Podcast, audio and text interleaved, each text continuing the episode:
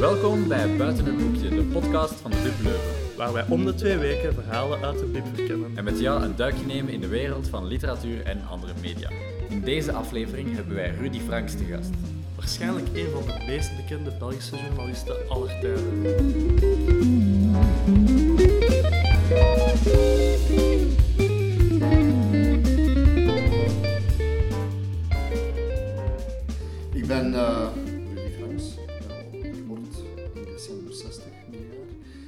Ben van Leuven afkomstig. Ik ben geboren in Leuven, in, in materniteit hier. Maar ik heb altijd gewoond in mijn jeugd boven de Boelenberg, boven de Keizersberg. Hmm. Ja. Klein Wilselen, zoals dat heet. In Leuven naar school gegaan in Sint-Pieters College. En dan ja, hier ook gestudeerd, uh, gemeenschapshuizen gewoond en, en, en blijven wonen eigenlijk in Leuven of omgeving. Dus eigenlijk beschouw ik mijn eigen als vintage Leuvenaar. en nu werk ik voor uh, de VRT Nieuwsdienst, eigenlijk al 30 jaar intussen, iets meer dan 30 jaar zelfs. Um, ik ben begonnen met, in wezen met de, de Roemeense revolutie 89 Mhm. en dan de golfoorlogen en eigenlijk sindsdien altijd met oorlogen en conflicten, waar ik voor de nieuwsdienst, maar ook voor, voor documentaires Ja. en voor boeken en zo naartoe ga. Voilà, dat is wat ik doe. En niks anders, vrees ik. ja, nog wel hele andere dingen. Je schrijft ook zelf boeken, natuurlijk. Ik denk Ja. dat je al tien hebt. Ja, ik, ik heb een tel niet bijgehouden, 10, misschien 11 intussen. Mhm. De laatste was Mijn Kleine Oorlog, Ja. op basis van mijn dagboekfragmenten van de voorbije 30 jaar van oorlogen.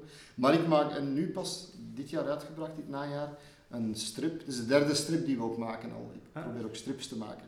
En dat is met een tekenaar samen, die vanuit Polen komt ooit, Ja. dus, maar die al lang in België geboren is, maar zijn vader kwam uit Polen als, Mhm. als vluchteling, zoals in een strafkamp gezeten. En we maken strips die eigenlijk ook bij oorlog en zo aansluiten. En de laatste die we nu gemaakt hebben, die heet Imagine Mosul. Daar ben ik heel trots op. Want dat gaat over dat project dat we gedaan hebben met muzikanten. Die en de muziekacademie en de kunstacademie van Mosul hel- helpen heropbouwen. Om terug Ja. kunst en muziek en cultuur naar die stad die vernield is door waanzin terug te brengen.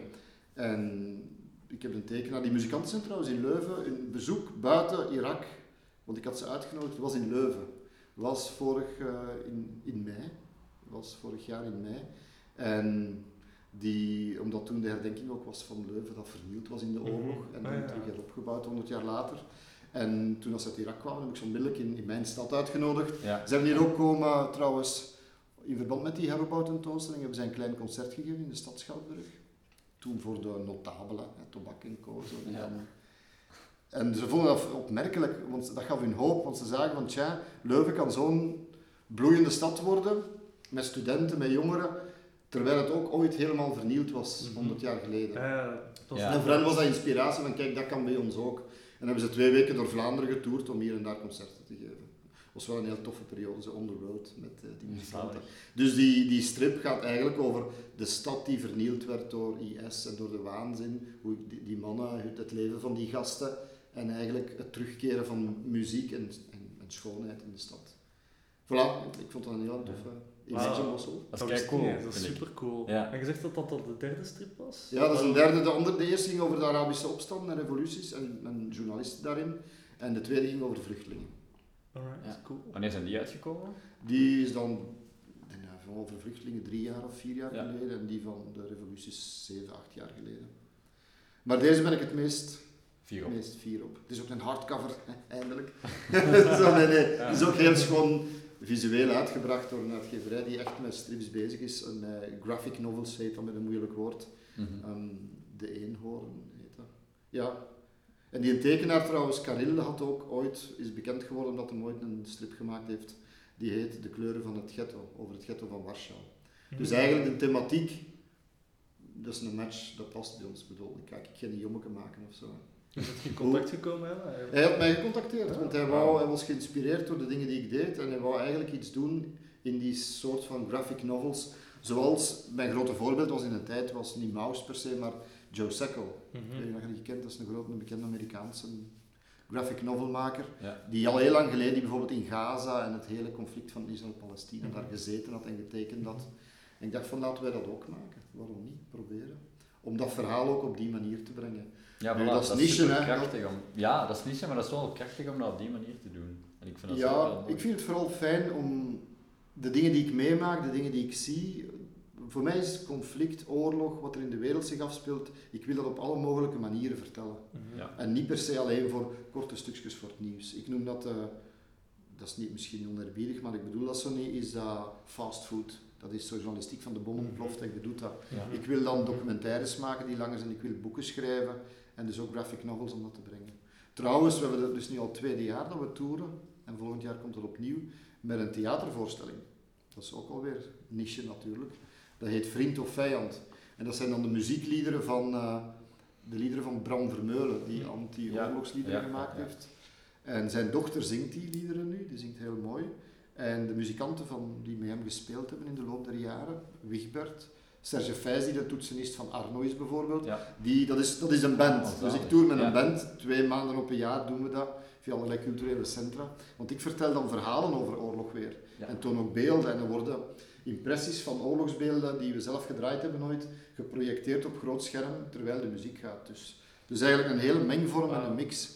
Vind ik heel boeiend. Het is echt Dat ik zeker Ik vind dat, allee, ik vind dat, dus voor mij is dat boeiend om na al die jaren creatief bezig te blijven Mhm. op alle mogelijke Ja, manieren. het is echt een transmedia verhaal aan het worden. eigenlijk. Ja, en ik vind dat plezant. Allee, dat prikkelt mij ook. En als het, want als het mij niet meer zou prikkelen, dan, verliest je een drive. Ja, klopt. Was dat jouw eigen initiatief, dat theater? Nee, ook dan ben ik gecontacteerd door de man die Bram Vermeulen goed gekend had. En die daar wou iets mee doen met de erfenis van Bram Vermeulen. En dan ga ik daarmee aan de slag. Ja, Dus eigenlijk komen die prikkels op mij af en ik pik dat eruit wat ik denk van, tja, dat vind ik tof om te doen. Mhm. En zo boeken schrijven, hoe gebeurt dat eigenlijk? Want ja, je hebt er al een aantal geschreven. Maar Ja, ik vraag me tien, dat, dat, dat, proces- dat hele proces. Wat is met de jaren veranderd. Hè. Er zijn ook variaties in. De allereerste die ik ooit van het front geen nieuws.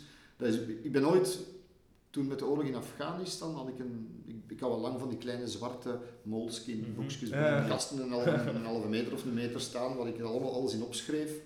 En indrukken, reflecties op het moment zelf, die ik soms gebruik voor mijn teksten, maar ook gewoon om bij te houden. En ik had mijn eerste dagboek gemaakt naar aanleiding van een tentoonstelling in Yper, die Deadline heette, Deadlines. Dat ging over propaganda en oorlog en journalistiek gedurende 100 jaar of zo. Mhm. En dat was oorlogsjournalistiek. Mhm. Dus ik dacht van, tja, dat is wel interessant dat fenomeen. En ik had dan een eh, tekst voor de catalogus geschreven, op- omdat iemand me dat gevraagd had. En de teksten voor die tentoonstelling over oorlogsverslaggeving en fotografie en zo en Mhm. propaganda. En dat gaat dan over de allergroten van Kappa enzovoort. Ja. En, en dat meisje van Vietnam en zo. Maar dus, en dan dacht ik van, tja, ik zal een dagboekversie geven van mijn oorlog in Afghanistan. Omdat ik daar toen twee maanden die oorlog van de, de inval in Afghanistan in Mhm. 2001 heb meegemaakt. Echt van, van vers, van vooraan, echt in de frontlinie. Mhm. Ik heb dat dagboek geschreven. En dan toen ik twee jaar later maanden onderweg was, ik ben toen eigenlijk drie, vier maanden quasi voortdurend onderweg geweest met de oorlog in Irak en de inval in Irak, um, heb ik dat ook systematisch beginnen bijhouden. Want we, we zwierven rond door de woestijn, zoals clandestine verslaggevers. Dus dat was, ik dacht van, ik moet al mijn reflecties, mijn boosheid over wat er fout loopt, over de leugens, de propaganda, dat allemaal opschrijven. En daar heb ik dan mijn eerste boek uitgemaakt in een soort van één geut van Ja, verontwaardiging eigenlijk. Mhm. Dat is een soort van boosheid Ja. over, over hoe het eraan toe ging. En dat heette van het front geen nieuws en dat was behoorlijk succes. Allee, dat, dat sloeg wel aan, omdat dat vanuit een heel... Ik, wou, ik had me geïnspireerd ook op de oorlogsverslaggeving van de voorbije 50 jaar. Ik had daar zo ook wat artikels over geschreven, hoe hebben ze dat gedaan. En dan stond ik stil bij degenen die in Vietnam, dat waren de eerste die aan een soort van participerende journalistiek deden. Mhm, mhm. Die dus meegingen in de, met, die, met die troepen of, Ja. met de, of bij de bevolking gingen zitten en zo. En dan dacht ik van daar kan ik uit leren, uit een soort van journalistiek beschrijven en schrijven, dat is dan nog anders dan beelden, beschrijven wat in u opkomt, wat je denkt. De journalist zelf is een actor eigenlijk. Is een actor, maar mag niet een hoofdrol journalism, spelen. eh, Ja, het was new journalism toen, ja. ja. Ik dacht van, en daarin ben ik, heb ik dat gedaan. Maar dan ben ik dan gaan variëren, hè, omdat je net zoals in stijlen van filmen moet variëren van stijlen, Mhm. vind ik. Dus dat was dat toen, omdat dat vanuit die emotie kwam, vanuit die, die verontwaardiging. Mhm. Daarna ben ik dan begonnen met bijvoorbeeld meer dossierboek te maken over, over terreur. En eigenlijk in de tijd nog, het zou nu super actueel geweest zijn, maar ik bedoel, dat was toen in 2005 met de aanslagen in Londen en, en Madrid Mhm. en zo. En wat er toen leefde met Al-Qaeda, dus vanuit die optiek, meer onderzoeksjournalistiek. En dat was een zware boek. Sommigen vinden dat dan weer de beste, omdat, maar eigenlijk is dat de, de minst toegankelijke en de minst leesbare boek. Ja. Dat was echt bijna een, een, een encyclopedisch boekwerk over, over alle mogelijke situaties die er geweest zijn en, en onderzoeken die er Ja, gebeurd voilà. waren. Maar om maar te zeggen, ik denk niet dat mijn vrienden of, of mijn familie die ooit gelezen heeft omdat die te zwaar was. Ja, voilà. maar dan krijg je wel mensen anders. van, van, de, van militaire school of zo die zeggen van ja, ja we, we- gebruiken die als, Ja. Ja, voilà. als boek voor om, om te weten hoe het eraan toe ging. En dan, allee, dan moet je een evenwicht zoeken. Ja. En daarna ben ik dan meer in, in zelf beschrijvend wat je meemaakt. En sommige zijn beter geslaagd dan andere. Die vond ik nog goed, omdat die Ja. eigenlijk, Oorlog om de geesten. Oorlog om de Geesten is geschreven voor de aanslagen in Zaventem. En naar aanleiding van de eerste aanslagen, toen ben ik eraan begonnen in Parijs met Charlie Ja. Hebdo. En ik had hem afgewerkt en opnieuw geüpdate, omdat het net een deadline was. Toen met de aanslagen, de grote aanslagen in Parijs. En opnieuw met Brussel. Dus eigenlijk had hij de tijdsgeest op dat moment voordat het er was. Mhm. Dat is ideaal. Ik bedoel, hij, hij komt buiten en je komt met allerlei inzichten, of mijn inzichten daarover, op het moment dat het steeds brandend actueler Mhm. werd. Mhm. En bon, dat is, dat is dan dat. Hè. Allee, zo, en zo probeer Ja. ik telkens nieuwe insteken te Voelt dat niet heel zo vlug, allee, zo, ja, voelt je je dan niet zo opgejaagd als je probeert te schrijven over een onderwerp dat constant evolueert? Hoe kun je dan Ja. dus eigenlijk een punt zetten achter een boek? Ja, in dit geval was het Oorlog om de Geesten, was het, Mhm. ehm, het punt was toen dat het, het, het kwam uit en het punt was vanzelf gelegd. Dus het, Mhm. het zat erin. Mhm. Parijs zat er nog in. Ik herinner me dat ik toen met mijn team, want ik heb een, ik heb een huis al heel lang in Italië, waar ik, Mhm. dat we samen aan het olijvenplukken waren daar in het najaar, dat was oktober, november, en dan gebeurde, gebeurde Parijs. Dus heb ik daar die een, met één, twee dagen teruggetrokken in mijn plek waar we s'avonds een glas gingen, wijn gingen drinken. En ik heb daar eh, een dag lang de update gemaakt van... Ja.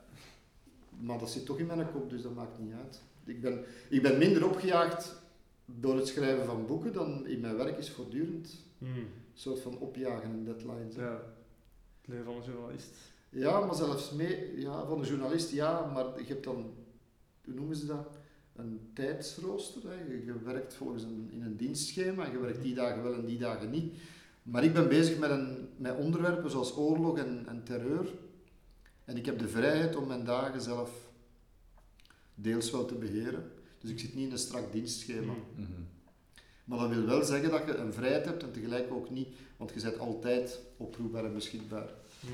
Gisteravond was het over die twee vrouwen die zich hadden aangegeven in, aan dat politiekantoor. Ja. In, bon, dat komt bij mij terecht en ik moet het dan toch opvolgen. En zo gaat het met alles voortdurend. Het probleem is dat je daardoor, ik heb al eindeloos veel vakanties en dat ik opgeroepen ben. Die er, ook als, als je nu naar Oorlog om de Geesten kijkt, ik vertrek naar, eh, op vakantie in de Ja. zomer, ik kom toe en ik moet vertrekken en ik, ben, ik kom net toe en, en dan gebeurde er Nice in, in Frankrijk. Mhm. Dan zeggen ze, kun je naar, naar Nice overvliegen? Met die truc Ja. kun je naar Nice overvliegen. Want ja, er moet toch wat over duiding gegeven worden. En kun er niet op tijd zijn om bijvoorbeeld s'avonds in Vive le Velo te gaan zitten. Om God beter te over de aanslag in Nice te klappen, want ze, kunnen het, ze moeten het erover hebben. En zo zijn er voortdurend... Ja. Geeft dat ook geen kick, Ja, eigenlijk? dat geeft een kick, ja, dat geeft u, die adrenaline drijft u voort. Hè. Maar soms is het ook wel van, wauw, allee, Mhm. uw hoofd stopt niet. Hè. Mhm. Het blijft draaien. Dus om, die afstand kun je niet meer creëren. Dat is er niet meer. Dat is meer stress dan de deadline van een boek. Ik wil bijvoorbeeld als ik een contract voor een boek afsluit, om maar iets te zeggen, hè, Mhm. sluit dan. mensen zeggen van ja, je moet een voorschot hebben. Ik, ik moet nooit, ik wil geen frank op voorhand zien liefst. Een euro, pardon. voor, voor het voor mij af is. Ik wil niet die een druk voelen van kijk, Ja. ik zit hier al on Mhm. borrowed time and money. Mhm. Ik-. Gewoon, ik doe dat omdat ik dat wil doen. En dan, als het af is, is het af. En Ja. die deadlines, dat lukt wel meestal. Dat is het punt niet. Ik heb ook een paar boeken gemaakt, ik zal er heel eerlijk in zijn, dat ik zelf geen tijd meer heb, omdat ik tegelijkertijd bezig ben met van alles. Dat ik samen met iemand samenwerk, waarbij ik dan van alles aan dicteer en zeg van, en dat gaan we maken, en dat gaan we maken. En dan uiteindelijk, hij begint dan aan een draft te werken en ik begin daar dan op voor te werken enzovoort. Mhm. Het hangt er een beetje vanaf. Sommige schrijf ik in één geut, sommige is gaan op die manier te werk, omdat ik geen tijd heb om alles zelf te doen. Ja, ja wel, want ik vroeg mij af hoe kun je Maar zo zeggen we- het combineren met... Ja, zo. Er Ja. heel, heel erg veel... Ja, of like die strip maken, de Mhm. tekenaar heeft het meeste werk. Hè. Mhm, mhm, Tekstballonnetjes, dat is kutter. Dat is, mhm. dat is korter dan, dan, Ja. dan tekenen. Hè. ja. Ik heb dit boek gekregen in 2015 van mijn ouders. Eh, een jaar later ben ik journalistiek gaan studeren. Ja. Dus heeft daar toch wel... Ik heb dat boek gelezen, ook wat boeken van Montasser. Dat heeft toch wel bijgedragen tot mijn keuze. En ik vroeg me eigenlijk af... Ja, ik ben, ben binnen een jaar afgestudeerd als journalist. Ik vroeg me af... Hoe zit je bij Thomas More Mechelen? Oké, dus- Ik vroeg me af hoe dat je eigenlijk... Ja, u, zegt, u zei je eerste opdracht was in Roemenië. Hoe, hoe is dat gebeurd? Dat je Ja, opeens heel wordt hard of, of in conflictgebieden gaat, gaat verslag geven. Ja, Was wel... dat het plan voor u? Is dat iets dat je wou doen? Of, of waart jij gewoon... Dat is, laten we zeggen dat het een, dream, eh, voor zover dat kan zijn, een dream come true. Hè. Ik heb eh, geschiedenis gestudeerd Ja. hier aan de KUL.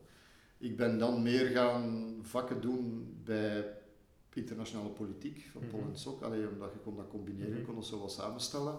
En ik ben eigenlijk ook BTK-projecten, zoals dat toen heette, en onderzoeksprojecten die gesubsidieerd waren, gaan doen bij de, bij de, in internationale politiek, dus Mhm. van geschiedenis. En dat ging over oorlog. Er was een prof die van, eh, van Harvard terugkwam, die had daar gedoctoreerd. En die zocht iemand van geschiedenis om mee onderzoek te doen naar geschiedenis van oorlog. Ja. Dus eigenlijk, en dat was mijn fascinatie ook, geschiedenis van oorlog, geschiedenis van het Midden-Oosten, conflict, maar conflicten ook proberen te begrijpen vanuit allerlei parameters. Dat is nogal moeilijk. Is dat sociaal-economisch, is dat ideologisch, is dat religieus, is dat Ja. allee, Ja. psychologisch ook, want hij had bij psychologie gedoctoreerd. Dus eigenlijk kreeg je ver- verschillende inzichten rond oorlog en conflicten. Dat fascineerde mij. Mhm. En ik ben altijd bezig geweest en blijven lezen, sindsdien eigenlijk al, eigenlijk in totaal al 35 jaar lang, over oorlogen en mechanismen van oorlogen. Dus dat boeide mij. Ik kwam toe op de, VR op de BRT toen, ik had examen meegedaan, net zoals elke assistent en onderzoeker van de NIF hier en van elke andere NIF, omdat er geen job was anders. Mhm. En we zijn totaal met tien geslaagd. En er waren er een paar van onze groep bij die, die ook op de nieuwsdienst zijn terechtgekomen. Zo.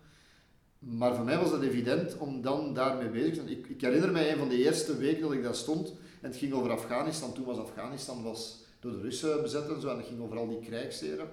Ja, voor mij was dat bijna evident. Ik kende al die mannen. Allee, ik had erover gewerkt en gestudeerd. Ik, heb, Mhm. ik had jaren niet anders gedaan. Ja, als je zegt Ekmat Yar of, of Jean Massoud, ja, bon, tuurlijk, en ik kon dat opzommen. Dus ik dacht van, ja, die mens is daarmee bezig en ik wou dat ook doen. Ik heb ook veel rondgereisd, ook naar in minder evidente omstandigheden. En dus bij gevolg, ik ben trouwens, mijn vakantie in de zomer toen, was naar China gaan. Ik wou eigenlijk, omdat me dat fascineerde, die studenten van Tiananmen gaan zoeken. En studenten van de opstand een beetje in de duik gaan mee klappen. Was dat Nee. nuttig? Nee, want ik had geen camera bij, want je mocht daar als journalist niet binnen, maar ik ging daar zomaar naartoe als toerist om met studenten zo wat clandestien te praten en om gewoon om te beleven wat is er aan de hand in China. Ja. En dus tegen het najaar was dan in één keer de muur van Berlijn aan het vallen. Dus ik ben begonnen op het moment dat de wereld in een stroomversnelling kwam. Ja, een periode. Ja, Ja, maar effectief. Ja, je moet dat aanvoelen dan. Zo, je hebt zo van die periodes. En de wereld kwam in een stroomversnelling, de geschiedenis. En dan was het kerstmis. De kerstperiode gaat dan Berlijn, Praag, al die feesten. Mhm. En dan kwam Roemenië. En met de feestdagen, dat is nog altijd zo, diegenen die het laatst in dienst zijn, die jongsten, die eigenlijk graag, die zo eager zijn, zo Mhm. ja, gepassioneerd om te werken. Ja, ik, wou, ik zat er niet mee in om dan te werken. En dan is uw kans, dan zeggen ze, willen jij niet naar vertrekken? Ze dachten dat het een feest ging worden. Allee, ook zo'n Ja. bevrijding. Ja. Ik kwam daartoe aan de grens. En de meeste mensen met wie, want er waren nog een aantal mensen van de pers, er zijn er verschillende die niet binnengegaan zijn. Omdat bleek dat aan de andere kant geschoten werd en doden vielen en de berichten buiten kwamen. Want je moet je inbeelden, op dat moment je hebt geen telefoon, je hebt, een gsm bestond niet, Mhm. een laptop bestond niet. Ja. Ja, voilà. Dus je hebt, je hebt niks Totaal aan communicatie. Hè. Je, je Ja. komt, dat is de prehistorie. Hè. Ja. En dan moet je voor jezelf beslissen, ja, ik wil dit. Ik wil dit doen. Ik ben gaan liften aan de grens van de oorlog. En dus dan, ik herinner me dat beeld, twee fotografen, Franse fotografen, die zagen daar zo'n snotneus staan. Dat was mijn eerste grote opdracht. Allee, niet mijn eerste, maar toch. Ja. Echt. Voor zoiets, trouwens, niemand in Europa had daar ervaring mee. En ze hebben me meegepakt. En heb je, heb je dat bewust gedaan? Echt zo? Ik, Van- voor, voor mij was dat geen, geen issue van dit is uw, Ja. kans. Je- ja, ik, ik beslis sommige dingen, denk ik veel te lang over na, waardoor ik het niet, niet weet wat ik... Alleen veel te lang, ik denk veel te lang over dingen na. Maar over zo'n dingen, like professioneel, kan ik heel snel beslissen. echt op, op een Gewoon puur op, op mijn intuïtie af en ja, ik wil dit doen.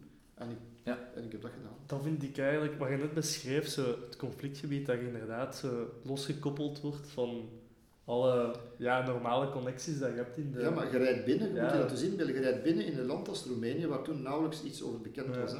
Het enige wat ik eigenlijk wist over Roemenië, ik had zo'n boekje bij van Julian Beverberg, die had er ooit eens iets over geschreven. Mhm. En zo wat algemene informatie. En mijn ouders waren nooit eens naar een, een soort van kuuroord aan de Zwarte Zee Roemenië geweest en hadden horrorverhalen over dat regime daar. Maar voor de rest wist niemand daar Ja. iets van. Hè. Ja. Ja, oké. Ik had aan de NUF wel les gehad over de vijfjarenplannen van de economie van Roemenië, maar Mhm. Bon, that, that's it. Hè.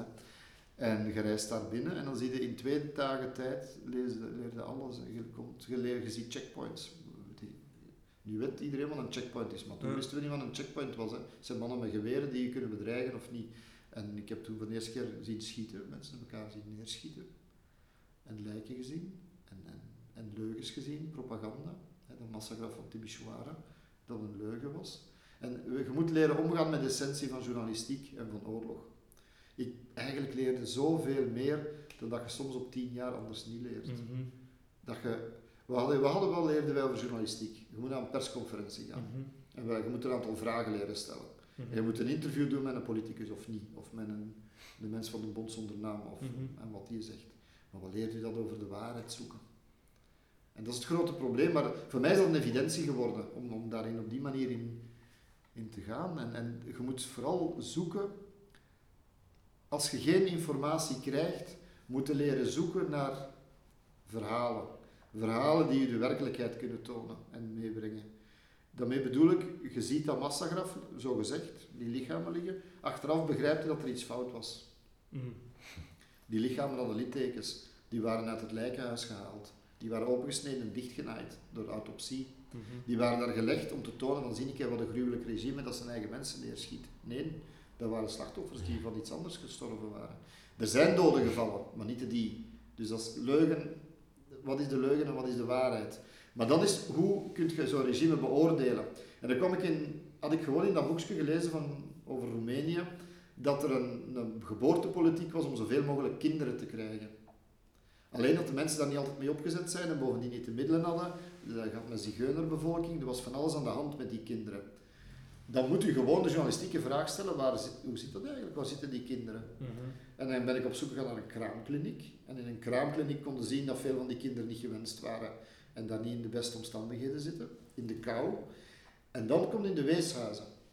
En in de weeshuizen waren die kinderen, en dat waren gruwelijke verhalen uiteindelijk die naar buiten kwamen, over ehm, kinderen die vastgeketend lagen, autistisch waren, omdat ze nooit met iemand bij hen gepraat had, in een uitwerpsel van weken en maanden liggen en zo. Die waanzin, dat is voor mij een oordeel over een regime en de oorlog. Maar je moet dat dus zelf zoeken. Je moet je, je gevoelens volgen. Mhm. Zoals ik in, naar Mosul ga, de oorlog volg, schieten, kapot gaan. En dan las ik ergens of hoorde ik dat er een muziekacademie was. En dan denk ik van, tja, Ja. en die is gebombardeerd. En je moet, je moet gewoon op een of andere manier op zoek gaan. En je kunt op basis van dat verhaal van die muzikanten in Mosul dan weer, kun je weer tonen hoe de waanzin daar was. Ja. En als je dan hoort hoe zij de muziekinstrumenten of moesten beschermen of moesten begraven, of hoe dat er vier, eentje van de violist bijvoorbeeld, Mohammed, vier keren ehm genep executeerd was. Op zijn knieën gaan zitten, buiten, Ja. mensen rond met telefoontjes om op internet te zetten. Ze schieten ernaast. En dus hij, ze denkt, hij denkt dat hem neergeschoten wordt. En de vijfde keer zegt hij, en hij vertelt me dat allemaal, de vijfde keer zegt hij dan, Mohammed, had ik geen schrik meer. En ik zei dat tegen die IS'ers. Ik ben al vier keer gestorven, dus wat, wat maakt het uit? En dan gaan ze folteren en dan laten ze hem vrij. Allee, dat soort verhaal toont mij zoveel meer over die oorlog en over hoe dat eraan toe ging. Maar je moet dat wel gaan zoeken. Hè.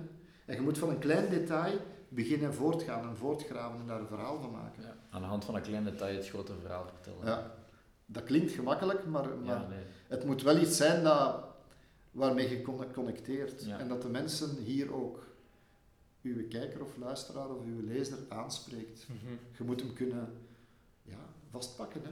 Maar als, ik ga er altijd vanuit, als het mij vastpakt, ik kan alleen maar zo eerlijk mogelijk dan dat geven en dan zal het een ander ook wel vastpakken, zeker. Ik vind het wel interessant dat je zo niet gewoon de vraag stelt wat is hier aan de hand of wat loopt er mis, maar dat je inderdaad zo eerder elementen uit het dagelijks leven zeg maar, dat verstoord worden neemt. Ja. Om zo te tonen wat dat er eigenlijk echt misloopt. Ik vind dat wel men- heel menselijk. Maar dan Zo moet ook wat anders dan, dan, dan komt het niet over. Mhm. En ik heb de andere, de andere dingen ook al gedaan. Hè. Maar ik herinner me helemaal in het begin was de intifada, de, de eerste intifada, 89, 90. En dan heb je nog verhalen van, heb je nog verhalen? Ik heb al eens het verwijt gekregen dat ik tussen Nederlands spreken als ik in, Le- in Leuven bezig ben om aan het praten. En dan, dan zeggen ze van, is dat omdat je wilt connecteren met de mensen? Dat is gewoon omdat ik in mijn hoofd zit. Maar bon. Ehm, dus dat, met de eerste intifada, en dan leg je uit, heel vanuit de geschiedenis, want ik heb daar cursussen over Mhm. gehad en, en meegeschreven over ehm, al die geschiedenislagen en, en uitleggen. En, maar als ik dat kom uitleggen, hè, dan zie je de, de mensen hun blik glazig worden. En ze zijn al lang niet meer mee. Ja. Dus wat breng ik nog over dan? Dus ga ik nu kijken naar bijvoorbeeld, tja, ik lees over een psychiater in Gaza, Sarai was de eerste, die onderzocht van generaties van kinderen die onder de bommen groot worden. Hoe dat, dat extremisme en radicalisering geeft en hun psychologie beïnvloedt. Ja, dat vind ik interessant. Mhm. Dan denk ik van daar kan ik mee aan de slag gaan. Dan moet je dus eigenlijk een psycholoog daar gaan zoeken, die gaat kijken en onderzoeken hoe kinderen trauma's krijgen van elk van die oorlogen. En wat dat doet en of dat mensen door agressiever worden of radicaler worden, of dat dat een spiraal van geweld veroorzaakt. En dan, dat, dat snapt de mens van de overkant hier, hè, van de Mhm. straat. Ja, voilà. Dat is Ja, als, als ik erger. die mensen dan Ja. ook een naam kan geven en, die, en dat kind dat daar eigenlijk getraumatiseerd zit, dan weet ik Mhm. het. Of de bommen in Beirut. Ehm, in 2006, ik weet niet, dan gaan we naar de oorlog in, in, in Libanon, want ze waren aan het bombarderen. En er was een groot incident van een slagpartij burgers die getroffen waren, die gaan schuilen waren, getroffen waren. Dat zijn Mhm. altijd missers, bewust of onbewust, maar dat zijn missers dus niet bewust dan natuurlijk. Ehm, Oké, die lijken worden opgegraven en, en, en dan op de plaats waar ze vandaan kwamen worden ze begraven. En dat is emotioneel in alle opzichten. Oké, dat is één. Maar dan zijn er daar die het overleefd hebben. En er was een kleine bij van een jaar of vijf, zes, die sindsdien al maandenlang niks meer, geen woord meer gesproken had. Ga je er met een psycholoog naartoe, een psycholoog, een madame, en die praten met dat kind, of probeert daarmee te praten, met de familie, met wat is daar gebeurd. En je reconstrueert dat verhaal waar dat vandaan komt. Mhm. En dan wordt dat ene verhaal wordt symbolisch voor die hele oorlog. En dat vind ik interessant. En wat vind je eigenlijk van de, de rol van de journalist zelf in een verhaal? Ik ben eigenlijk persoonlijk wel een voorstander dat de journalist een bepaalde, of allee, eigenlijk aanwezig is in het verhaal. Heb jij zelf geen probleem mee in je nieuwe stukken dat je zo zelf misschien een, grotere rol speelt? Of houd jij zelf eruit uit het verhaal? Dat hangt af van verhaal tot verhaal. Mhm. Dat, echt waar. Dat hangt ook af van voor wat dat je werkt of niet. Mhm. Voor journaal zal ik iets meer op de achtergrond blijven. Mhm. Terwijl voor documentaires zijt je de verteller en neemt je mensen mee. Mhm. Ehm, het het hangt er echt vanaf. En als je een stuk maakt in België, heb je al, ondervind je dan geen problemen, omdat je zelf zo een beetje ja, legendarische status dingen te krijgen? eh, nee, Is ik, probeer, ik, probeer me dat, ik probeer me dat... Zolang ik eerlijk met mezelf ben en denk van het gaat nog altijd over de mensen en het verhaal dat ik wil Mhm. brengen. Ik bedoel, mensen identificeren me bijvoorbeeld met dat verhaal van die muzikanten van. Mosul. Maar tegelijkertijd, ik weet dat ik dat voor hen gedaan heb. En omdat me Mhm. dat boeide. En ik weet dat dat verhaal mij zelf diep geraakt heeft. En dat een van de mooiste dingen is die ik op die manier gemaakt heb. Dus de rest zal me dan borst wezen. Mhm. Dus ik heb altijd, als zijn pissers, hè, die, die overal wel iets achter zoeken of niet, of dat fout vinden. Ik weet van mijn eigen dat ik op tijd wel kan, vind ik wel moet afstand nemen en dat Mhm. moet, dat ik bijvoorbeeld iets dat heel actueel is en heel erg, god ja, heel veel emoties heeft losgeweekt, vooral losgeweekt bij mensen, is dat van die, die vrouwen en kinderen van jihadis die in kampen. Ja, ja. Ja, dat is, je wil niet weten hoeveel bagger ik op het internet daarvoor over mij krijg. Mhm. Ook bedreigingen, Mhm. mensen die, dan ik denk van, allee, Laat je, dat, laat je dat op het internet tot u komen? Maar wat kan ik zeggen? Ik kan het niet tegenhouden. Hè. Ik heb wel gelukkig, ik heb een redactie, we werken samen, ik heb researchers, een paar. Allee, we, hebben, we zijn echt een team. rond conflicten. Ja. En er zijn er ook een paar bij die meer met sociale media bezig zijn. Want ik vind ook dat we onze verhalen moeten via die nieuwe communicatiemiddelen. maken. Ja. Ja. en dat doen we al, al een jaar of sinds, sinds een jaar of 7, 8. Dat groeit eigenlijk. Hè. Omdat je op Twitter, op Facebook, op Instagram allemaal verhalen ook wil brengen, ook op de site. Ja. En dat is op een andere manier verteld. Dus en die hebben daar verstand van, van die taal meer. Ik, ik kan de verhaal, de inhoud wil brengen, maar zij hebben het lijkt een tekenaar, weet hoe dat moet tekenen, weet iemand met Mhm, social mhm. media hoe daar moet mee omgaan. Mhm. Zij worden met die bagger in eerste lijn geconfronteerd. En dat pakt mensen gehoord, alleen gemerkt dat. Want omdat het zoveel leugens verspreid worden, zo onredelijk is en dingen die niet kloppen. Bijvoorbeeld verwijten van over de Jezidi, dat praten niet over de gijzen dit, gijzen dat. Maar nee, we hebben jarenlang verhalen over de Jezidi die vervolgd worden en, en slachtoffer zijn gebracht. En dan zeg ik, ja, hoe gaan we dat aanpakken? We brengen het verhaal op een positieve manier. Kijk, we hebben dat wel gebracht. We hebben nog vragen. Maar soms merkte en steeds meer dat er mensen bewust een strategie van leugen en afbraak hanteren. Bewust een boel verzieken. En u persoonlijk beginnen uit te schelden en te bedreigen. En dan denk je, ja, wat moet ik daar nu mee? Mhm. Eraf gooien, blokkeren, ja. Dus dat, dat raakt me. Dus om maar te zeggen van die vrouwen van IS en hun kinderen, wat dat wij gedaan hebben is, na alle mogelijke, de oorlog tegen IS, alle mogelijke strijd er tegen, alle mogelijke slachtoffers gebracht, vijf jaar lang, was mijn laatste vraag in mijn hoofd, maar nu al die kerels die vertrokken zijn, al die vrouwen die vertrokken zijn, de kinderen die er geboren zijn, waar zitten, waar zitten die? Mhm. En dat is, als journalist moet je toch de vraag durven stellen, wat niemand wil weten. Mhm. Blijkbaar, zo bleek achteraf. Ja, daar is toch iets mee aan de hand. En ik vind die, want ik ken de weg daar, ik ken de Koerden die de kampen hebben. Ik mag daar binnen en ander niet. Ik ga dat dus doen en je vindt die. Mhm. En dan begint de ellende. Terwijl het mijn taak als journalist gewoon is, zelfs de onprettige vragen en waarheden tonen. Mhm. Ze zitten daar en mijn enige vraag is dan, wat ga je ermee doen? En dan, dan hoor je opmerkingen van die kinderen, stikt ze onder de grond, smijt ze, stikt ze in brand, gooi ze van de daken. Dan vraag ik mij af in mijn hoofd, wat maakt u anders dan een IS'er dan? Mhm. Als je zoiets zegt. En zo'n extreem rechtse figuur. Wat maakt u dan anders? Of zijn die, die hebben dezelfde mindset misschien? Wie weet hè. Dan denk ik van, ja kijk, ik wil alleen maar aankaarten, dit is het probleem, dat is er. Maar nu dat die, die, ik krijg informatie over wat er gebeurt, ik, ga mij, ik probeer daar nu wat meer van op afstand te houden. Mhm. Als ze mij vragen om uitleg en analyse of duiding, zal ik dat wel brengen. Maar ik ga niet zeggen, want je wordt geframed. Hè. Mhm. Jij wilt dat. Nee, ik wil niks. Ik, als journalist wil ik gewoon zeggen dat het probleem er is. En dat het niet weggaat. Ja. En dat men misschien politiek of, of maatschappelijk of in de pers dat niet graag hoort en daar niet wil mee bezig zijn, omdat dat zo gevoelig ligt. Maar iemand die ebola heeft ont- ontdekt of HIV, kunnen gaan die verwijten dat hem HIV heeft gezien? Mhm. Nee. Allee, of, een, of een probleem, je kunt het toch maar brengen. Mhm.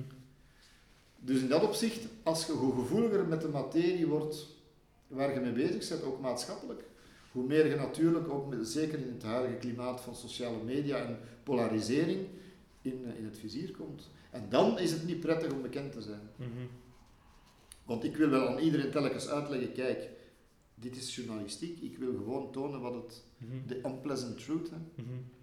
Ik bedoelde ook eerder zo dat je eigenlijk niet meer volledig incognito Nee, dat is waar. Dat is iets dat mij al direct 10, echt 15 komt jaar lang, ja. Ja. Ja, ik kan, toen ik studeerde nog en, en de eerste jaren kwam ik in, op, in alle mogelijke bruine nachtkroegen ook op de Ja. markt. Maar ik ga niet meer aan de lampen zweren. Hè. Mhm. Om het cru te stellen. Ik kan me dat niet... Ik bedoel, ik voel ook die aandrang niet. Ja, ja. Maar, maar zo... Ja, nee, je let er altijd op dat je niet bruskeert. Dat je probeert je toch wel discreet op te stellen. Mhm. Ja. Ja, ik ga niet al, al zingend over de markt lopen. Je wilt dat ook niet horen als ik zing. Ehm, ja, en dus je zet nu... En dat aan vind ik gênant, dat vind ik ambetant. Ja, Ja, ja. tuurlijk. Ja, je voelt je toch in zekere zin geremd. Aan de andere Ja. kant, misschien dat behoort dat bij mij. Ik zal ik altijd de controle willen houden over mezelf. Mhm. Maar denk valt dat- in Leuven mee, als je verstaat? Leuven is, is fantastisch daarin. Hè? Mhm. Want ik heb daar, ik bedoel, ik ga ervan uit dat nogal wat mensen in Leuven weten wat ik doe en wie ik ben. En men gaat daarom alsof ik, ja, ik ben een deel van het meubilair zeker. Ja, ja. Ah, wel ja, ja, ja dat inderdaad. allee, gebeurt, het gebeurt bij mij ook al vaak dat ik zo eh, door de Wegelse straat loop of zo. En dan, ah, ik heb Rudy Franks gezien. Ah ja, ik zit daar koffie, ik drink daar koffie en ik ga bij, Ja, die- ik ga bij de kaaswinkel en bij de viswinkel en ik ga naar de barboek en ik ga daar zitten. En, en, en als mensen mij aanspreken, dan, dan is dat vaak zo van, ah ja, ik heb dat gelezen of, of, of, of wilde dit doen even. Of, of. Dat is eigenlijk, ik vind Leuven daarin heel respectvol. Mm. Oké, ja. Dat is hier goed, hè? Ja, nee, nee, ik vind Ja, dat- voilà. Liever dat dan dat er zo'n big deal, denk ik, van gemaakt wordt. Ja. Natuurlijk, dat is ook absurd. Ja. Dat, dat is ook niet waard. Alleen Nee, dat we nee. wel wezen, je doet een job en je met een zekere passie en dat heeft, allee, je wilt dingen overbrengen, maar er is een onderscheid tussen ik als privémens en, en ik zelf Mhm. als in mijn werk. Ik ga ook, like nu, ik praat hierover wat ik doe Mhm. en ook eh, vroeger in de boekjes, ik heb dat moeten duidelijk maken. Je mag mij alles vragen, ik ga die ook niet weigeren. Je mag mij alles vragen wat mijn job betreft, maar mijn privéleven, daar blijf ik redelijk discreet over. Ja. Oké, mensen weten dat ik veel in Italië zit. Bon, Ja, that's it. olijven plukken. Olijven plukken, ja. Dat is ook geen schande. Maar in een rol als observator, als journalist, als je nu een stuk moet maken in België, denk je dat je dat dan nog... Ja, hoe zeg je dat? Want als je aankomt, als je aankomt als BV, zeg maar, dan is de situatie al veranderd. Ja, Weet je ja, ja. bedoel? Is het Ja, ja, mogelijk ja. om journalistiek te doen? Dat is een theoretische discussie, ja, maar eigenlijk praktische zelfs. Van, je hebt impact op... Je kunt niet meer als neutrale observator Ja, ja. Je registreren verandert wat- de situatie al aan te komen. Ja. Ja, maar ik kom ook niet zomaar meestal niet meer toe. In België sowieso, op plekken Mhm, waar er mhm. iets gebeurd is. Ik doe wel dingen die ik op basis, doordat ik ehm, zeker vertrouwen bij sommige mensen kan krijgen, of kan ik dingen te weten komen die je anders niet te weten komt. Mhm. Of dat mensen mij zelf contacteren. Mhm. Ik zorg bijvoorbeeld, omdat we een documentaire aan het maken zijn, onder meer over Somalië en de geschiedenis van die oorlog. Ehm, ik weet van in Leuven dat er hier heel veel Somaliërs wonen. Ja. Een stuk of 600 of zo, zelfs in groot, groot Leuven. Ehm, je brengt een bericht op, op social media van kijk, ik zoek wel getuigenissen over zijn er mensen gevlucht omwille van de hongersnood, de gruwelijke hongersnood in de jaren 90. Het maakt dat mensen mij eigenlijk al kennen en dan in zekere zin vertrouwen hebben en mij contacteren dan zelf. Of ik kon die familieleden, de grootmoeders van die jihadstrijders, ik ben er al heel vele jaren, sinds die een boek van 2005 eigenlijk, Mhm. mee bezig over families van mensen die vertrokken zijn. Omdat mij dat psychologisch interesseerde, van waar die frustratie, hoe komt, wat is het mechanisme dat maakt dat mensen in die waanzin stappen. Mhm. Ik zeg duidelijk in die waanzin stappen. En dan hebben we een vertrouwensband met een aantal van die, die grootmoeders. Die bijvoorbeeld vertellen over hun kinderen die vertrokken zijn en waarom. Die met schuldgevoelens zitten, die anders met hun verhaal niet naar buiten komen, omdat ze daar verkrampt over zijn.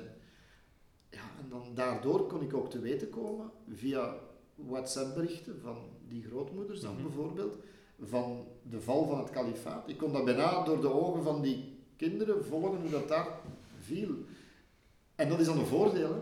Mhm. Allee, dat mensen mij kennen. Mhm, ja. Want, want je bouwt een soort van...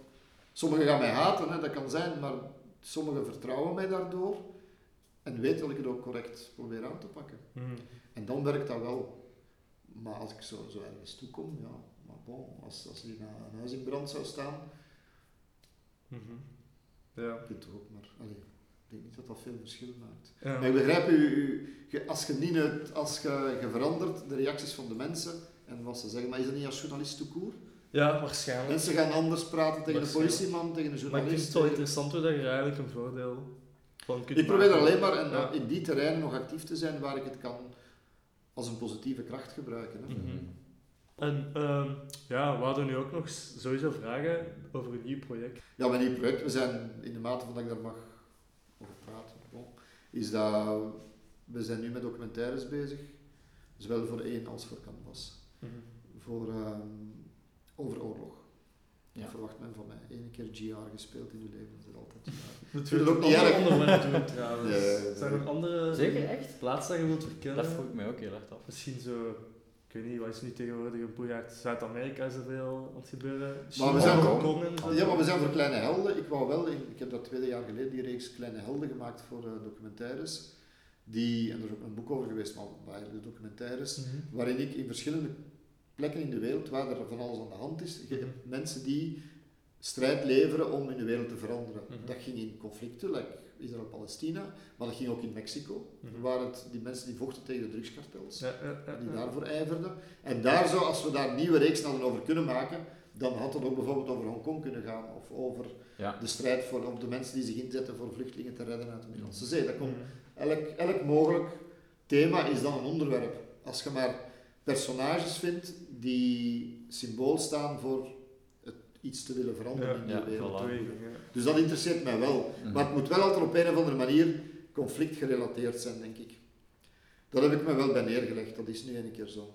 Maar dat, dat kan ruim gaan. Hè. Ik, kon, ik heb ook ooit de research gedaan om docus te maken over mensen die, hè, like de, hoe heette die, die figuur, de, de Monuments Man, die film er ooit gemaakt is. Dat zijn mannen, mannen die na de Tweede Wereldoorlog of in de Tweede Wereldoorlog kunst gingen redden van de Ah, vernietiging. ja. Wel, ik kom ook wel op plekken waar kunst vernietigd wordt. Denk aan de beelden stormen in, in Irak en zo. Mhm. Of, hoe, of NAVO-bombardementen, die, hoe houden die rekening met het beschermen van. Dus ik kan ook wel over cultuur praten en daar... Ik heb onlangs een hele lezing gegeven over, over dat cultuur in de frontlinie. Dus, maar het moet op een of andere manier wel gerelateerd worden aan, Ja. het concept conflict. Dat is nu ene keer... Sommige mensen vinden in heel hun leven niet wat in, wat in, wat in een, in een, in Een een, kamer in is een, in een blok marmer is waar ze Ja. aan gaan kappen heel hun leven. Ja, bij mij is dat oorlog. En eigenlijk moet ik blij zijn dat ik dat heb. Allee, en dat, dat mij dat ook fascineert. Mhm. En ik kan daar zoveel aan ophangen. Ik kan het over Dat is voetbal waar. en conflict hebben. Mhm. Eh, Allee, bijvoorbeeld. Je kunt, het is eindeloos hoor. Je kunt heel veel aspecten van het menselijk bestaan vertellen daarover als je het bekijkt vanuit, vanuit dat conflict. Dus ik vind dat oké. Het volgende dat ik bezig ben was omdat men wou... Ik wil een aantal bekende mensen meepakken naar conflictgebieden. Ja, daar wou ik over vragen. Ehm, om- waarom? Omdat mij, dat is dan voor één, dat is voor een breder publiek, omdat ik dan weer een nieuwe manier vind, een nieuwe sleutel zoek, om door de ogen van onbevangen ogen, die daar eigenlijk totaal geen ervaring in hebben en daar misschien Mhm. mij nog kunnen verrassen met dingen die ik al evident vind. Ja, voilà. Maar waarom eigenlijk BV's? Wacht, ik vind wel dat het BV's moeten zijn, Mhm. dat is zo het compromis geworden dan, die mij boeien en die eigenlijk het hart en het hoofd op de juiste plaats hebben. Die Mm. dus eigenlijk er op een of andere manier wel, wel in geïnteresseerd zijn of een band mee hebben. Mhm. Die BV's zijn uw keuze ook. Ja, je, ja. Er wordt geresearched, er wordt een longlist gemaakt, dus ze moeten willen en durven en Ja. moeten mensen zijn die, Ja, durven wordt vooral. die durven, Ja. ja, die, ja, maar je probeert ze wel uit, uit ze mogen niet beschoten worden. iets. Ja, maar ja, Je probeert, maar dat kun je niet altijd in de hand hebben, maar je probeert wel, het is niet, je gaat ze niet naar een frontlinie meepakken. Ja, maar ja, met, ik weet het nog niet goed. Tot nu toe is dat wel gelukt, want het is nog wel een keer geschoten hier of daar, maar, maar niet op hen, dus dat is wat dan. Hè. Je hebt, de wereld is wat hem is. Maar ze moet, eh, ja, hoe moet ik dat zeggen? Er moet bijvoorbeeld iemand zijn die geïnteresseerd is of die actief was met, met sowieso vluchtelingen hier. Als, als Je BV. dat En die zo, pakt er dan mee naar een conflict waarvan, tja, vandaar komen die mensen. Ja. Ja. Dus dan heeft er, is, er moeten, voor mij moet er een, in mijn hoofd moet er wel een, een verband in zijn. Tegen schrik dat, dat het dan zo, Aapjes kijken is. Ja. ja, zo te sensationeel maakt. Nee, ik probeer er heel, want je hebt de montage zelf in de hand. ja. Ik probeer dat heel, eh, maar je moet tegen dan maar zien, we proberen dat heel evenwichtig te maken, heel, heel gebalanceerd. Ja. Moet uw e-mailadres eens opgeven. Op- Op 17 december hebben we een grote presentatie op de VRT, waarin daar ook mensen van scholen worden uitgenodigd. Alright, cool. Dat is- Nee, nee, nee, maar, Ja. dan moet u inschrijven, je moet erop klikken Uh-huh. en inschrijven. En dan gaan we een zicht krijgen op wat de bedoeling daarvan is Mhm. juist. Mhm, mhm. Dat, het, dat kan, ik wil vooral, ik heb schrik dat dat zou inderdaad, zo je kijkt, je gaat naar, naar de dierentuin kijken naar, Ja, zie een keer wat daar gebeurt. Oei oei, ai ai, het moet dieper gaan dan dat. Nee, nu uit niet de bedoeling is. Nee, maar ik wil dus een mengeling van op die manier het toegankelijk maken. En zijn die BV's dan, kunnen de mensen zich, de kijkers zich mee identificeren van Ja, hoe dat zij daar naar ja kijken. dat is wel het voordeel. Ja. En op canvas leg ik dan uit de oorzaken en de gevolgen van dat conflict. Oké. Helemaal op de, de stijl BBC, bij manier van spreken, met sleutelgetuigen van ter plekke. Mhm. Dat wil zeggen het conflict in Irak met, je kan het al verklappen, de hamerman. De man die het standbeeld van Saddam heeft naar beneden helpen Mhm. trekken en kapot hameren. Amai, Dan ga ik daar met cool. research naar zoeken. Wie heeft in al die iconische momenten, beelden, iets te zeggen of een rol gespeeld. Ja, ja. En dus dan vertel ik de geschiedenis echt als geschiedenis. dat een Los van, los van die BV's. Hè. Ja. Ja. Dat is dan canvas. Ja. Om te tonen van, je kunt dit zien en later op de week, by the way, kunnen als je wilt, wie wil, kan eigenlijk Slim eigenlijk. de achtergrond zien. Ja. Ik vind dat mooi dat we die kans kregen om zo de twee kanten Mhm. te tonen. Alright, cool. En komt er nog een, eh, is er een boek in de maak op dit moment? Ik ben er nu over aan het denken, want we hebben eerst wou ik die, de eerste drie landen doen, die we nu gedaan hebben. We moeten er nog drie doen. Want het is, ik bedoel, uiteindelijk zijn dat zes documentaires die ik moest af hebben. Dat is drie weken in een oorlogsgebied, drie keer drie weken. Daar zijn al wel een tijd mee. Stevig. Ja. dus klopt. daar moest ik nog een paar keer eh, naar Syrië en naar Jemen ook en zo. Dus ja, Jemen ook. ben ik geweest. Jemen ga ik niet met zo'n grote groep binnen geraken. Ik ben er alleen maar in januari clandestien binnen geraakt half. Mhm. Zo half clandestien, dat was niet. Dat kun je niet Mhm. onopgemerkt binnen geraken met zo'n groep. Dat zou ik graag doen, want het is maar zwart. Ehm, de, ik ga een boek beginnen eraan, maar ik moet nog zien hoe we dat gaan maken. Ja. Maar dat gaat dan, een, als het wat mij betreft, is dat een boek zonder BV's. Hè. Mhm. Ja. Daar, daar moet je geen boek over schrijven. Als je een boek wil maken, moet het zijn die de oorzaken en, en mijn analyses van die oorlogen brengt. Mhm. Mhm. Dat gaat dan iets minder persoonlijk, persoonlijk zijn, zoals die andere, maar dat gaat dan meer zijn over de geschiedenis eigenlijk. Mhm. Je zegt eh, dat je de montage zelf in de hand gehad hebt. Dus je werkt met een eigen team. Heb je dat werken, ja, ja, we werken, dat is een dubbel, dat is een co-productie samen met een productiehuis. Ah ja, oké. Ehm, ik heb mijn eigen team op de VRT. Ja. En wij maken sowieso die canvas, die historische documentaires. Ja. En al de andere documentaires tot nu toe. Het met BV's op pad gaan wordt door een productiehuis gedaan. Maar we hebben ook een, een van de twee cameraploegen is, is, is mijn Is die ploeg waar ik altijd mee ga. En ik, ik, ken de mensen waar dat mee gemaakt wordt van dat productiehuis. Dus. Ah ja, voilà. Wel, ik ken die al van Ja. veel langer, ik zou Ja. het zo zeggen. Ja. Dus, en de montage, ik moet ook wel mee mijn toestemming geven. Hè. Ja. Ze gaan aan de slag, maar dat is bij mij ook. De, de regisseur begint eraan en ik zeg van ja, dat en dat en dat moet daar wel in zitten. Mhm. En die en toon is wel juist en dat wil ik daar niet in hebben. Bijvoorbeeld iets dat als een heel spectaculair incident zou kunnen overkomen, dat er effectief ook geweest is. Maar dat ik denk van ja, dat is zonder context, dat is, nee, dat is niet oké Mhm. Ja. laat dat eruit, want dat is, dat is angst voor niks. Dat, Mhm. dat ging over niks en dat heeft geen relevantie. ja. Heb je altijd al hetzelfde Ja. team gehad?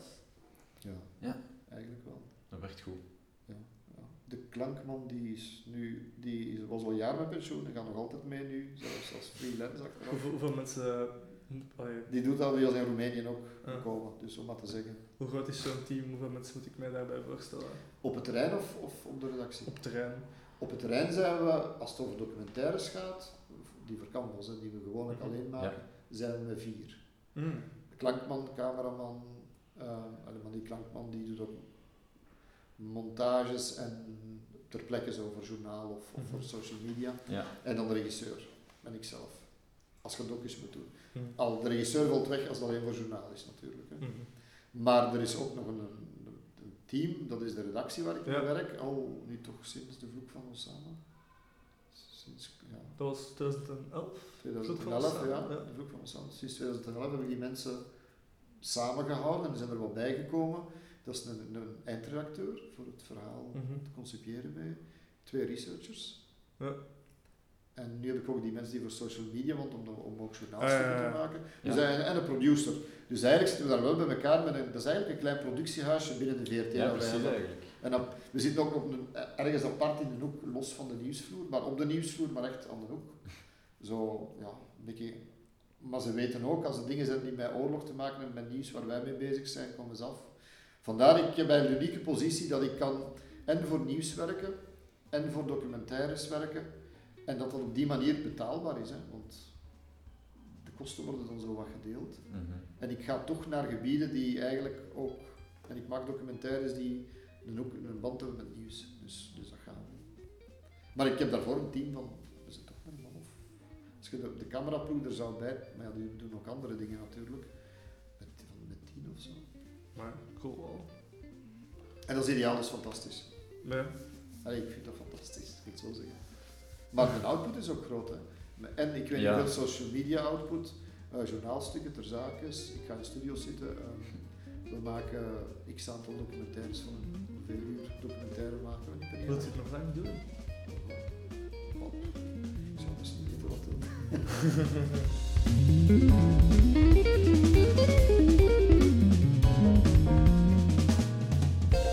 Bedankt voor het gesprek, Rudy.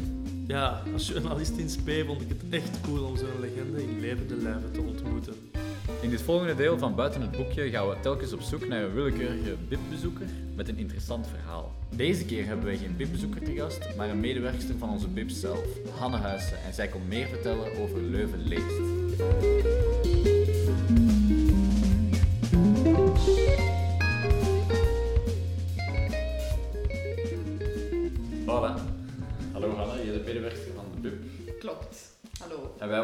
Meer weten over Leuven leest. Ja, Dus kan jij daar wat meer over vertellen? zeker. Eh, Leuven leest is eigenlijk al een hele tijd eh, in gang getrokken. We zijn nu bijna twee jaar en een half Mhm. eh, bezig met de vernieuwde versie van Leuven leest. En met Leuven leest willen we eigenlijk mensen samenbrengen die graag lezen. Lezen wordt vaak gezien als een solitair iets, als iets wat je eigenlijk alleen doet Mhm. en, en wat Mhm. misschien daarom wat eenzaam is. Terwijl lezen eigenlijk heel verbindend kan werken. Mhm. En wij gebruiken altijd een beetje de boetade van... Zijn twee mensen bij elkaar die elkaar niet kennen. Maar als ze hetzelfde boek hebben gelezen en graag gelezen, dan gaat er binnen de vijf minuten een boeiend en fijn gesprek aan de Ja. gang zijn. En dat is een beetje het idee waar dat we rond eh Leuven Leest mee werken. Dus we willen mensen boekentips laten geven, eh, mensen laten samenkomen eh, rond lezen, rond boeken en een beetje die liefde voor het lezen eh, ondersteunen. Mhm. En wat doet Leuven we doen veel, maar een van onze kernactiviteiten is, we faciliteren eigenlijk een, een website waar Leuvense lezers boekentips kunnen geven. En eigenlijk mag dat iedereen zijn, dus bij deze ook een oproep als er mensen interesse hebben om Mm. eh, leesambassadeur te worden. eh, dan mag je altijd een mailtje sturen naar Leuven Leest. eh, en dan maken wij met plezier een profiel aan voor jou en dan kan je dus leestips gaan geven. Dus dat is één deel dat we doen. We brengen ook alle literaire activiteiten in Leuven rond lezen samen op, een, op, op de website. Er is dus een kalender. Eh, we onderhouden ook een Facebookpagina waar veel gesproken wordt over, over ehm, lezen en activiteiten en podcasts die over lezen gemaakt worden, zoals deze. Hè, die is ook op de Facebookpagina vermeld geweest. Mhm. Eh, dus we proberen eigenlijk alles rond lezen wat te ondersteunen. Eh, we, we promoten ook toffe leesplekken, eh, leesclubs, eh, noem maar op. Alright, en hoe lang ben je daar al mee bezig?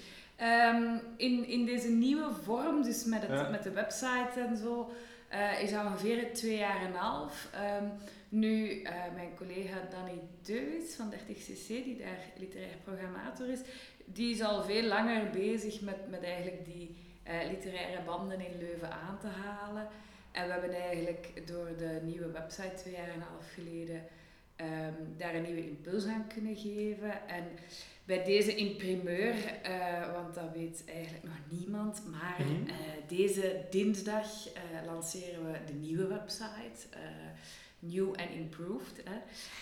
En we doen dat in het licht van een aantal Vlaamse steden die eigenlijk hun versie van Leuven leest, dus hun stad leest, Mhm. gaan oprichten. En Mm. zo gaat bijvoorbeeld Gent eh, binnenkort Ah. van start met Gent leest. En er volgen nog een paar grote steden. Dus wat dat betreft hebben we lang in de marge misschien gezeten, maar ehm, hebben we toch iets gevonden dat universeel herkenbaar is, Ja. die liefde voor boeken. Dus en eigenlijk zijn jullie pioniers. Ja. eigenlijk, eigenlijk zijn we pioniers. Leuven ja. neemt het voortouw. ja, Cool. absoluut. Ja, dus Ja, dat is wel wel chic. tof. Ja.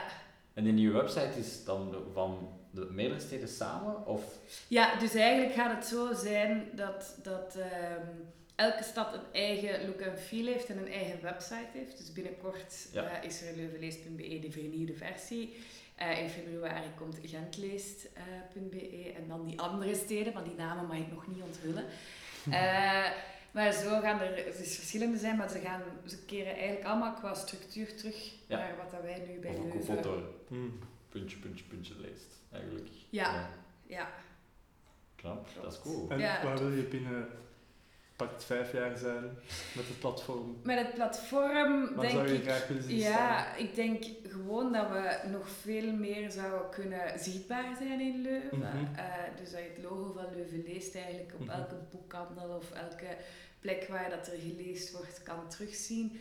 Idealiter hebben we een paar toffe eh, leesplekken ook helemaal kunnen inrichten in Leuven. Hè. Eh, Mhm. Het Stadspark bijvoorbeeld, waar je een Mhm. paar goede Mhm. eh, zit, zitbanken hebt waar dat dan gelezen kan worden. Dus dat is een droom.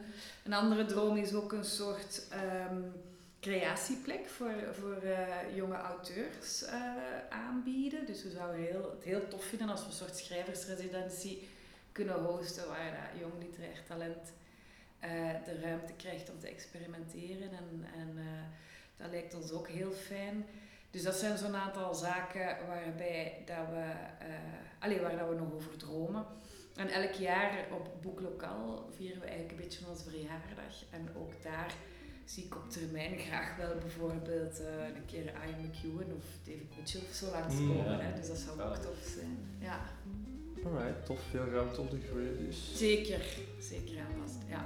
Oké, Hanne, bedankt om langs te komen. Dat is heel uitleg graag te geven gedaan. over Leuven leest. Nog Met veel veel succes met, met initiatief. Ja, Voilà. dankjewel. Merci.